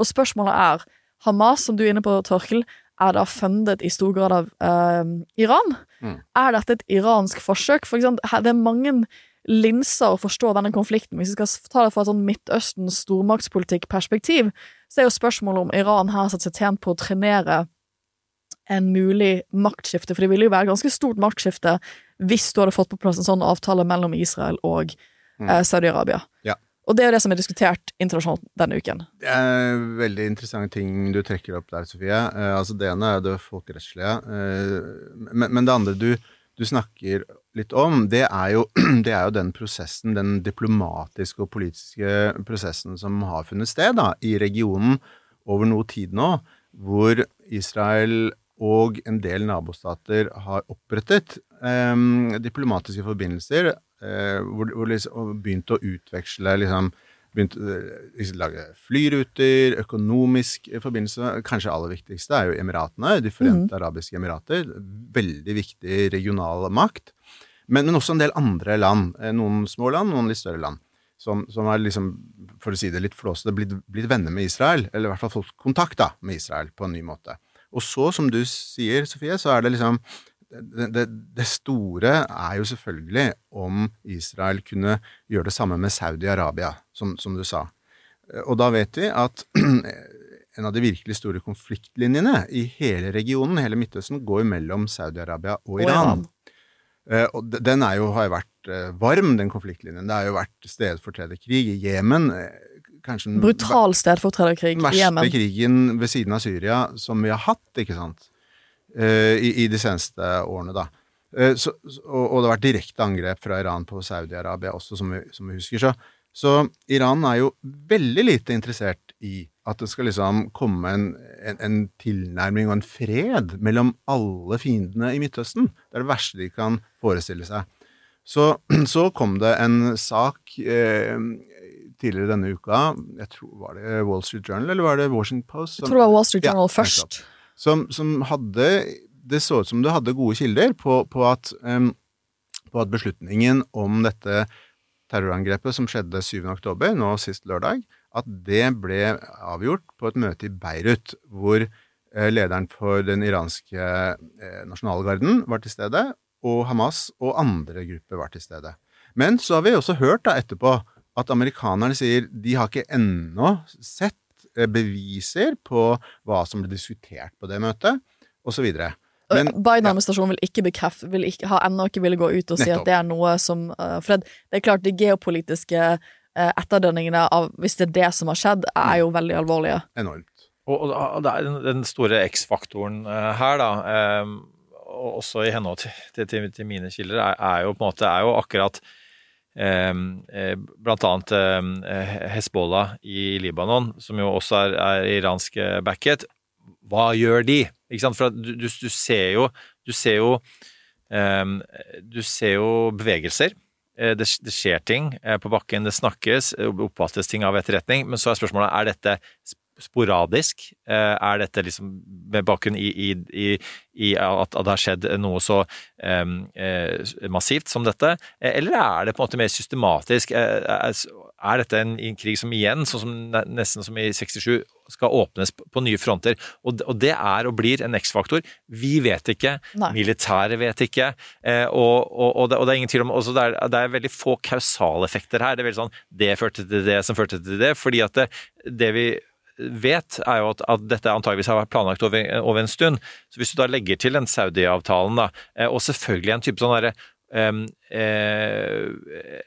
en, en, en, håpløshet, og for så vidt da, eh, på palestinsk side, om at, at nå, er, er, nå, nå, er, vi i ferd med å bli nok en gang en brikke som vi, vi ikke er tjent med. Og, og, så, og, så, er jo litt av grunnen til at Mohammed bin Salman har ønsket å gjøre dette her, er at han har vært veldig tydelig med, med, med islamsk ekstremisme i sitt eget land, og, og kuttet moralpolitiet nærmest med, med, et knips. Eh, og ønsker ikke det. Han ønsker eh, økonomisk fremgang. Eh, og så er det noen som føler da at, at de vil bli ofret på den økonomiske alteret for, for, en kamp som er, er mer prinsipiell og religiøs mm. for, for, de. Sånn, så her er det jo igjen mange elementer i spill, og, og den avtalen vi snakker om nå med Forente arabiske emirater, med Bahrain, med Marokko osv., som er betetende The Abraham Accords, var jo det som eh, Kushner, altså svigersønnen til, til, Trump, ja. eh, lagde, og som, som, Trump har skrytt veldig av. men som, Og for så vidt er altså, det er jo en, en avtale som, som, handler om en type forsoning, og det skal man applaudere. Men, men, en av de tingene den jo ikke snakker om, som var kriti kritisert den gangen, eh, er jo at den tar jo ikke utgangspunkt i Palestina-spørsmålet i det hele tatt, og det er og blir eh, kjernespørsmålet her. Ja, men jeg tror også at mange av araberstatene har gått lei av Palestina-spørsmålet. At uh, de, de, har sett at det fører ikke noe vei, og de er mer interessert i, i diplomat, diplomatiske forbindelser og, og, økonomisk vekst og stabilitet osv. Så, videre. så men, men, men du, dere nevnte vel begge Hizbollah. Um, og, og, jeg mener, på den ene siden så har vi det Hamas, som, som også helt åpenbart har har drevet og, og, og hauset opp volden i den seneste tiden på, på Vestbredden som en avledningsmanøver, eh, manøver, heter det vel, eh, for, for, å liksom trekke israelsk eh, oppmerksomhet mot Vestbredden istedenfor Gaza. så, sant? Dette har vært en stor plan. Så poenget, poenget er at liksom, Israel føler seg truet eh, fra Hamas og andre mindre eh, eh, bevegelser, da, eh, eller grupper, fra Gaza og Vestbredden. Og så er det Hizbollah i nord, som kommer fra som, som har liksom, Det er lib, den libanesiske grensen, ikke sant? Men, men det som kanskje er viktig å si, og, og som du sa, Erik, så, så vet vi ikke helt hva som vil skje eh, i nord. Eh, vil Hizbollah engasjere seg mer, osv.? Men, men Hizbollah, en, en, shi, en bred Shia-bevegelse, er jo på mange måter en st- betydelig større global fare enn Hamas. Sant? Hvis vi ser på hva Hizbollah har drevet med over lang tid, så har de, de har angrepet jødiske og israelske mål i, i hele verden. Eh, sånn, et av de største terrorangrepene eh, noensinne var jo i Argentina, i Buenos Aires, i, jeg tror det var, var det 94, eh, hvor, hvor nesten, nesten 100 jøder ble, ble drept fordi Hizbollah angrep eh, da et lokalt eh, samfunnshus. Så, så Hizbollah er en global, eh, ekstremt ressurssterk organisasjon som Israel, som Israel alltid har vært veldig redd for. Mye mer på mange måter redd for enn Hamas, da. Og statusen akkurat nå er jo at um, at Israel sender soldater ned i nord i, frykt om at det kommer et angrep fra det hold. Eh, og at uh, Trump har gjort sitt inntog i verdenspolitikken igjen ved å kalle Hezbollah very smart, som har vært en del av overskriftene i USA siste uken. Og han har også i tillegg eh, sagt at uh, Netanyahu ikke har gjort jobben sin, og Ja. dessverre, eh, altså, for dette er eh, the method to the madness av Donald Trump, handler det også litt om at Netanyahu ikke støttet han i hans big lie. Ja, Eh, og så- det er noe han ikke klarte å komme, komme over. Nei, det, men det, det, er jo, det er jo klart at det er et av de store ubesvarte spørsmålene denne uken. Hvordan eh, Man har jo, jeg tror, hvis man har vært borti Israel-Palestina-konflikten, så har man vel hatt et, et sterkt inntrykk av at Israel har, forståelig nok, da, hatt en sterk etterretningsvirksomhet eh, som har hatt ganske god kontroll på hva som skjer i Gaza. Eh, all den tid Gaza liksom, All den tid de kontor... Altså, de er.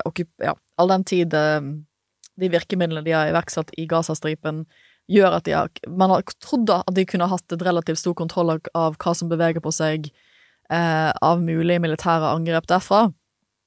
Så det er jo litt av sånn etterdønningene eh, denne uken som Trump spiller på, er jo spørsmålet for Netanyahu hvordan kunne dette skje? Hvordan, hvordan, hvordan er det mulig å våkne opp til et sånn type terrorangrep eh, som koster så mange menneskeliv, som dreper eh, barn og unge eh, som er på festival? Eh, liksom, hvordan, er det, hvordan er det i tatt mulig? Hva, hva skjer med de som har blitt eh, de sivile som har blitt kidnappet? Hvor er de hen? Er, vi, vi har ingen det er lite klarhet en uke etter at dette har skjedd nå, hva som skjer med de som har blitt tatt eh, til fange. Mm. Eh, og det er jo et stort spor, det er etterretningsspor er et stort spor i seg selv, men hvis vi skal prøve å liksom, ta det inn i norsk kontekst, da, så, det, så er jo liksom, Jeg tror litt av, liksom, litt av det palestinske Nå har vi snakket mye om, sånn, eh, om, om vår vei hit. Litt av det palestinske bakteppet, og som jeg føler man har sett ekko av i den norske debatten denne uken, er jo at fra palestinsk ståsted så føler man, kan man da føle nok en gang at nå er man helt på sidelinjen. Nå skjer det ganske store geopolitiske endringer her som gjør at, eh, som du var inne på, Torkil, at, at det virker som deler av deres kanskje tidligere allierte i Midtøsten har gått litt lei. eh, Og holder på å normalisere forholdet med Israel, uten at den normaliseringen skjer med en klausul, en tydelig klausul om at nå må vi få til en eller annen Nå må vi faktisk komme videre på en tostatsløsning. Eh, og, og, og da er jo spørsmålet liksom, fra et palestinsk ståsted, hva gjør du?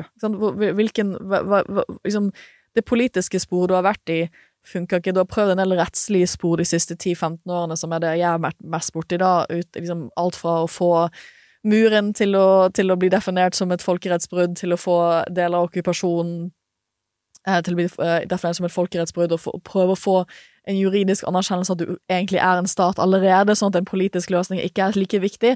Men de tingene har jo ikke ført noe sted. Eh, Og det er kanskje litt av det som, hvis vi skal spole tilbake til debatten på tirsdag, da, jo liksom, er liksom det utgangspunktet for debatten som, som ble veldig tydelig at, at um, på den ene siden så hadde du eh, eh, representanter fra det jødiske miljøet i Norge som, som, som står der fire dager etter deres 22. juli, da, for et mangel på et bedre, et, et bedre måte å beskrive det som skjedde på lørdag. eh, og som opplever at når de da møter det palestinske miljøet i Norge, så er det et Ja, dette er forferdelig, menn. Ikke sant, men. Dette, dette, dette, er en, dette er resultatet av en politikk, en okkupasjonspolitikk, som dere har ført over flere tiår, hvor har, det, er ikke så mange, det er ikke så mange valgmuligheter igjen. Eh, og, da, og det er jo det er kanskje litt det mange føler på nå, at hvordan skal man navigere? Det, jeg tror mange, som du var inne på, Torkel, liksom, det er mange i Norge som jeg tror har et, st stor, uh, et stort hjerte for den palestinske frigjøringskampen.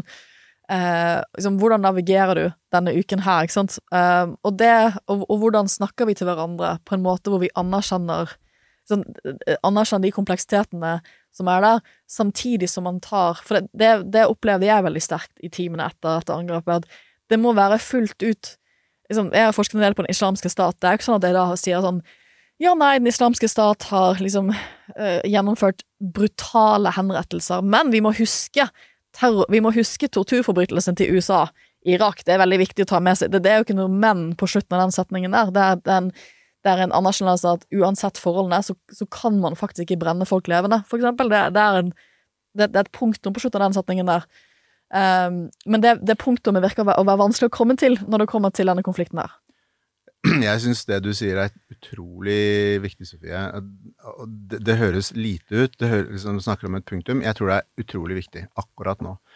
Uh, og, og det at mange uh, alltid kommer til det mennet etterpå, og kommer til det veldig fort, det, jeg tror ikke vi skal undervurdere hvor vanskelig det er for de berørte. eh, at, at, at en del, i hvert fall, kanskje man kan si at mange ikke klarer å fordømme disse helt forferdelige terroraksjonene mot Israel uten å, å liksom diskutere videre, uten å komme med det mennet. Man trenger en, en, en total fordømmelse uten betingelser. Eh, og, og det handler rett og slett litt om hvordan vi snakker om dette her. Vi, vi, vi må liksom vi kan godt snakke om, om eh, Vestbredden og Gaza, forholdene der osv., men man må liksom klare å skille det. Akkurat på lørdag, søndag og for så vidt eh, flere dager i uka nå, så, så er det blitt rullet opp disse helt groteske angrepene. Og min frykt nå, det er jo at, eh, at dette skal føre til splittelser også her i Norge.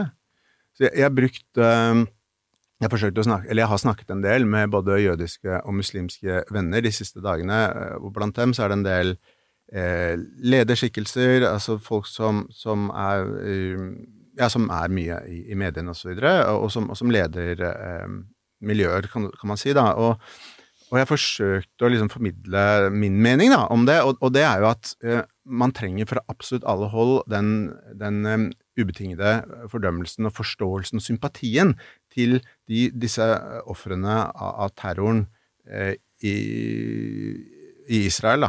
Eh, og, altså, og, og, en annen frykt er jo at av og til så får man litt sånn inntrykket, som du, altså du sa, Sofie, man, man ser ofte dette mennene etterpå av og til så er liksom faren at man antyder, det antydes mellom linjene at ofrene kanskje hadde en liten, eh, et lite ansvar for, eh, for, dette selv, for at de ble angrepet.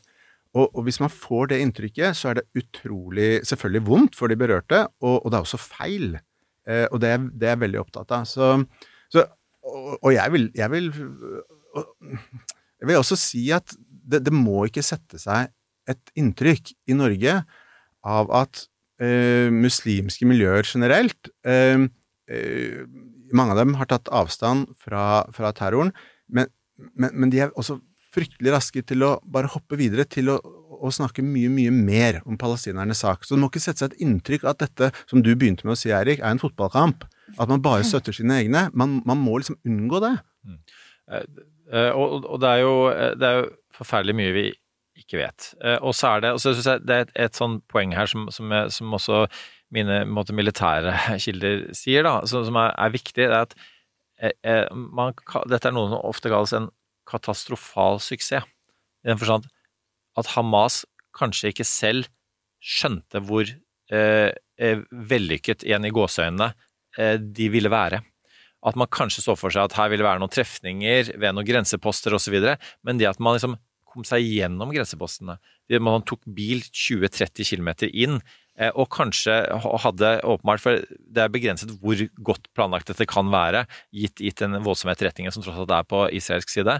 em, eh, at man, unge mennesker med våpen, eh, at man ikke helt er tenkt gjennom hva som da ville skje.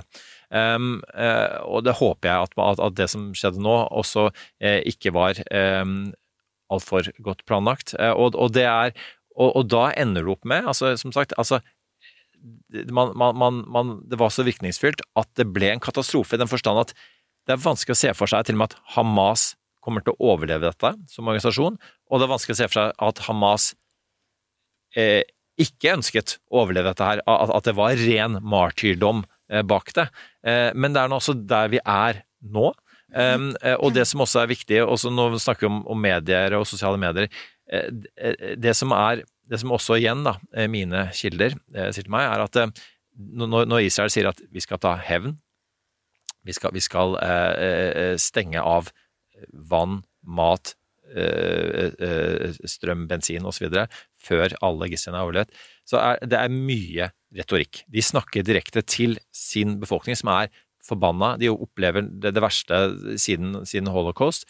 Eh, Jom Kippur-krigen for 50 år siden er, er også eh, blitt nevnt. Eh, om overraskelsesmomentet der. Eh, og, og, og, det er klart at samtidig så er Israel rasjonelle nok til å forstå at de, de, ønsker ikke å ha en humanitær katastrofe på sine hender. Eh, de ønsker ikke å reokkupere eh, Gaza.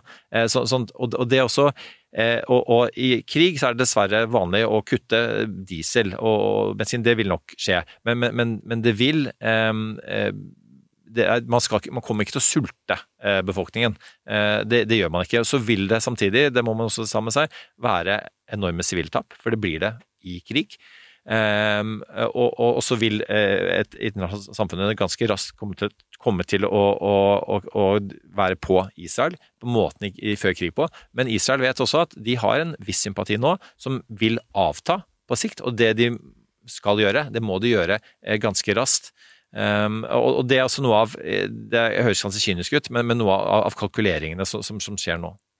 Ja, og liksom det, det, vi ser utspille seg nå, er jo også sånn Hvis du forsker på krig og konflikt, som jeg gjør, så er jo noe av dette er ikke helt ukjent. Ikke sant? Det er Jeg husker jeg, jeg har ikke fått Det er ikke så ofte jeg får hatmeldinger, men tidlig i, eh, etter bakkeinvasjonen av Ukraina um, i, liksom, i, døgnet etterpå så ble noen av oss intervjuet om liksom, de rettslige spørsmålene og, og så videre. Og da var jeg veldig tydelig på at selv om um, selv om eh, Russland nå har brutt alle krigens regler, så å si, ved å, ved å invadere Ukraina, så må Ukraina fortsatt eh, følge internasjonal rett når det kommer til eh, hvordan de driver sin krigføring. Man kan ikke, ikke Ukraina kan ikke uh, ta og gjøre det Russland har gjort mot dem. De kan ikke, de kan ikke kidnappe soldater og torturere dem på den måten som, eh, som, det nå blir anklagd at Russland har gjort. Det kan man ikke. Eh, og det er litt det samme eh, som Israel står i, at nå har de vært utsatt for et massivt terrorangrep hvor det er, fortsatt, det er fortsatt mye vi ikke vet om akkurat, akkurat hva som utspilte seg for en uke siden, men det bildet som danner seg, er jo at folk har blitt drept på groteske, brutale metoder. Eh, men det kan de ikke gjøre. Altså, de, de, de, er også fanget av krigens folkerett. Så når de skal møte dette her, eh, dette angrepet, så er det det er jo det som må være den, den vanskelige balansegangen vi går, ikke sant. Og det er ikke et men, det er bare alle parter må respektere de, de grensene, og det, og det, blir jo det viktige, tror jeg, i, i dagene som kommer, uh, rundt hva som skjer i, i, i Gaza nå Uh, rundt hvor, hva, hvilken rolle det internasjonale miljøet kan spille i løpet av de neste dagene. Det er jo selvfølgelig, som du sier, Torkel, den unisone og tydelige og punktumsatte fordømmelsen av det terrorangrepet som har skjedd. Og så en oppfordring, som vi gjør i, i, andre konflikter, til at partene skal representere de, de, reglene vi tross alt har prøvd å utforme som verdenssamfunn for krig. Eh, og det er, en veldig, det er en vanskelig øvelse i andre konflikter, og det er en veldig vanskelig øvelse her. Mm. det er interessante eh, ting du sier, Sofie. Og så, har jeg lyst til også eh, bare legge til litt? For det, er så mange perspektiver. Det, det, er, det er det du snakker om, krigens folkerett, eh, det som skjer, osv. Og så er det det internasjonale perspektivet, og hvordan dette spiller seg ut i Norge og i andre land. Eh, og det store paradokset, som jeg tror eh, også er kanskje viktig å, å opplyse om, det er at når denne ting, den, den type ting skjer Altså, i, når, når konflikten mellom Israel og palestinerne blusser opp og blir, blir varm og, og, voldelig. Så det store paradokset er jo at det ofte ledsages av mer diskrim, diskriminering og, og, vold mot jøder i andre land.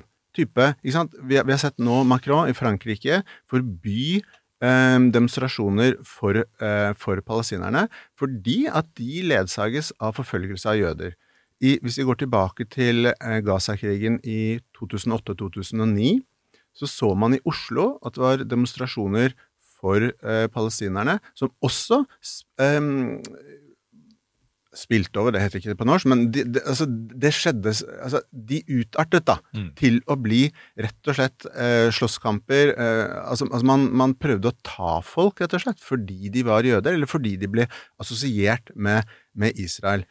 Eh, og det er jo på mange måter en forferdelig ting, da, at, at, at lokale jøder i f.eks. Norge blir stilt til ansvar um, på den måten som, som, vi har sett tidligere. Det er, det er en bitte liten og ekstremt sårbar uh, be, uh, den, de norske jødene er, er, er, veldig få og veldig sårbare. Det er ca. 100 ganger så mange muslimer i Norge. Og, og det, det, sier også noe om ansvaret i debatten etterpå, da. hvilket ansvar alle må ta. Og, og, vi vet jo at, at en av grunnene til at, til at uh, de som ikke har ønsket å være på TV, som kan veldig mye om dette her, uh, ikke ønsker å være med, er, uh, og, eller i mediene generelt, som de sier til meg, er at denne situasjonen kommer til å bli verre, og den kommer til å vare. Ja. Og det gjør at det du sier, Torkel, og, og den type sånn det at folk blir angrepet om, altså det, Sosiale medier er, er en krigsarena uh, nå, uh, og, det kommer bare til å bli verre. Uh, og, og, og, mediedebatten er, er, ikke alltid like opplysende og like reflektert. og så um, gjør vi vårt forsøk nå, men det er sikkert folk kommer til å bli både sure og frustrerte over ting som er blitt sagt her, og ting som ikke har blitt sagt, som man mener burde vært med, osv. Vi har gjort så godt, godt vi kan i all ydmykhet. Nå er det tiende gangen jeg sier det ordet. Eh, men det er en grunn til det. Eh, og, og, og, og vi vet, og du har forsket på dette, Torkel, hvordan, hvordan eh, holdningene da gjør at man får en altså Altså Det vi er redde for, er kollektiv avstraffelse på slagmarken. Det er imot folkeretten, og kollektiv avstraffelse eh, nærmest eh, i offentligheten ja. eh, som en del av debatten. Eh, og Det er jo det vi skal passe oss på. Vi, vi må møte hverandre som, som, mennesker som er i stand til å ha eh, nyanserte meninger, noen ganger motsetningsfylte meninger om disse tingene. Ja, og så, og så, må man jo det er, det er, jo vanskelig å ha det håpet i dag, men en av de Jeg husker da jeg gikk på videregående, eller ungdomsskolen, så hadde vi om Israel-Palestina-konflikten da var jeg sånn 14-15, tror jeg, første gang vi hadde sånn dybde som hva skjedde i 1967, og liksom, virkelig sånn dybde. Og da hadde vi eh, en av eh, en lærer i et annet fag, jeg husker ikke hva han var lærer i, men han skulle komme inn og snakke for klassen, for han hadde vært, jobbet som frivillig i eh, jeg tror det var i Gaza. Og dette er jo sånn, nå snakker vi sånn 2002. Og jeg husker, jeg husker det fortsatt så godt, fordi han begynte å, å, å, å strigråte mens han skulle forklare konflikten til oss. Dette er 2002. Eh, det at han sa at det er så håpløst. Jeg føler en så håpløshet i at det ikke er noen løsning, og at mine venner på begge sider kommer til å leve med dette her i mange tiår til. Og jeg har tenkt mye på hva han ville følt, den, den håpløsheten. I dag det er en håpløshet og sånn eh, følelse av sånn inevitability, nesten, om at de, disse voldsspiralene kommer bare til å fortsette. ikke sant? At om ti år så, så, så, så kommer det til å være nye runder med vold, akkurat sånn som det er nå.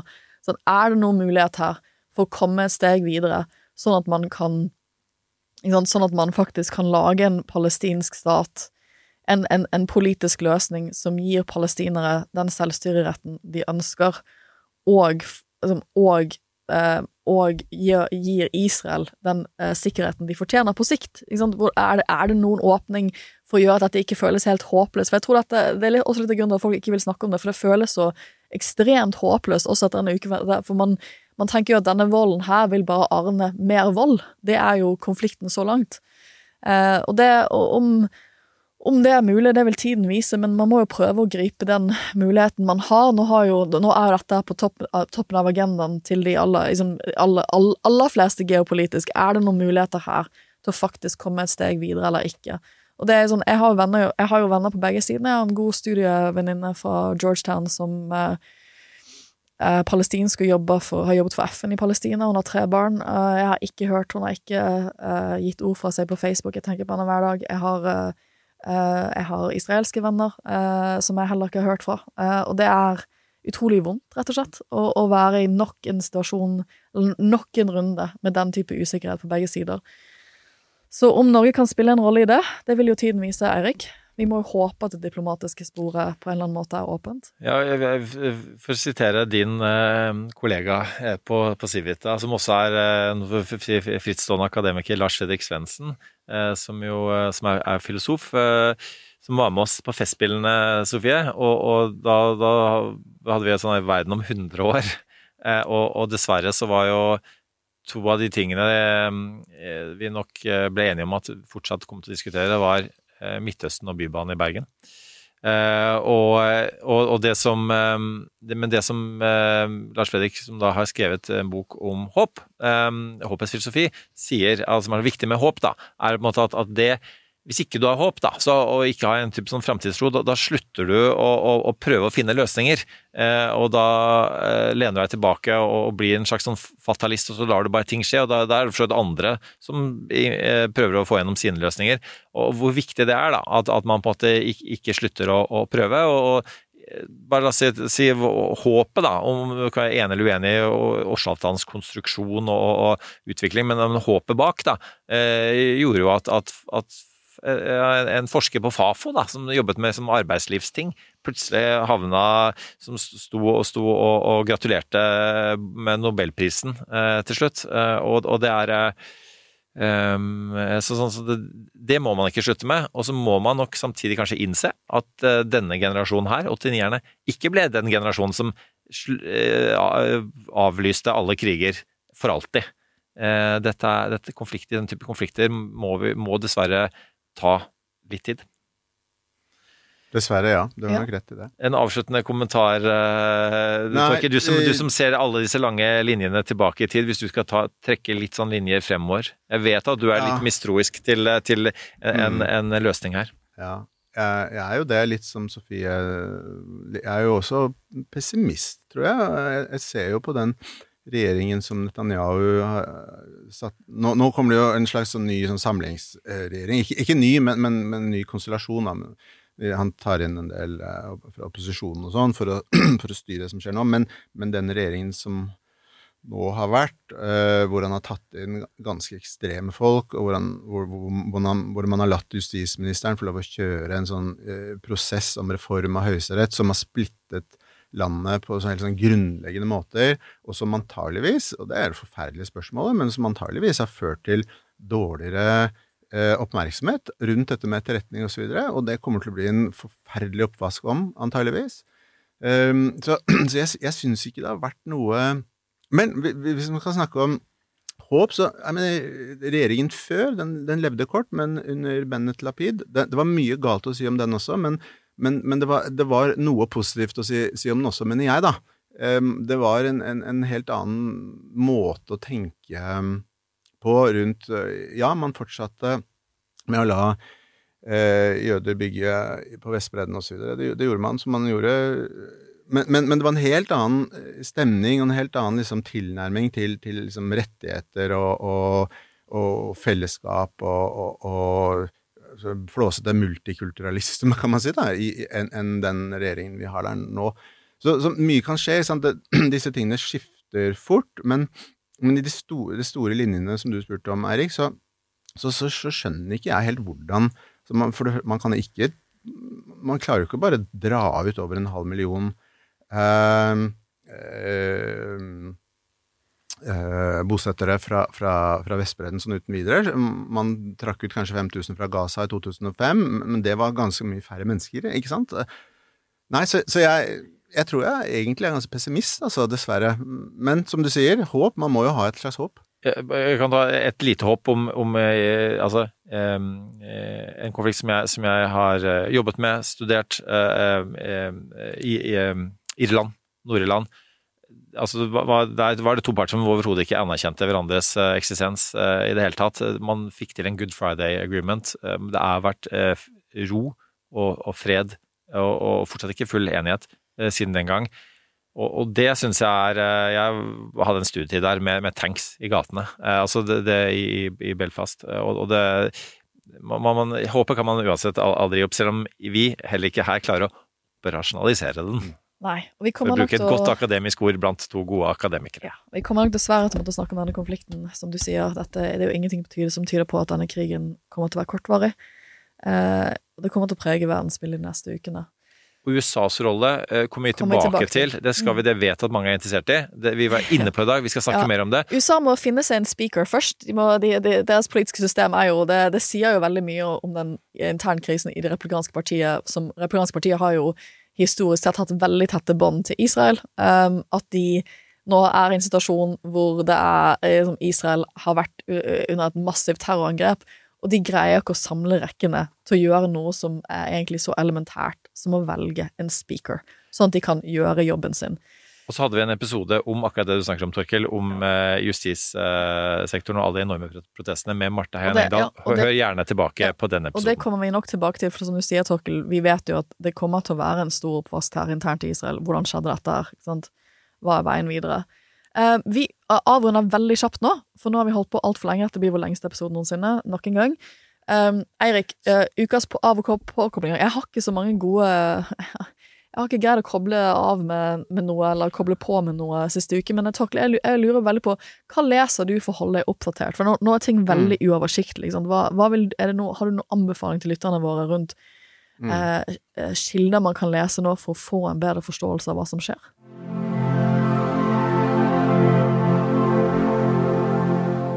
Du, da, og da tenker du primært på Israel, eh, eller tenker du generelt? eh, Generelt, Ja, altså- altså mi, mine kilder, eh, det er egentlig ganske enkelt. Eh, altså, The Telegraph eh, er jo en liksom mer konservativ avis, det er en veldig god avis. De har en podkast som heter Ukraine The Latest. Den hører jeg på hver dag. Det, det mener jeg at man må.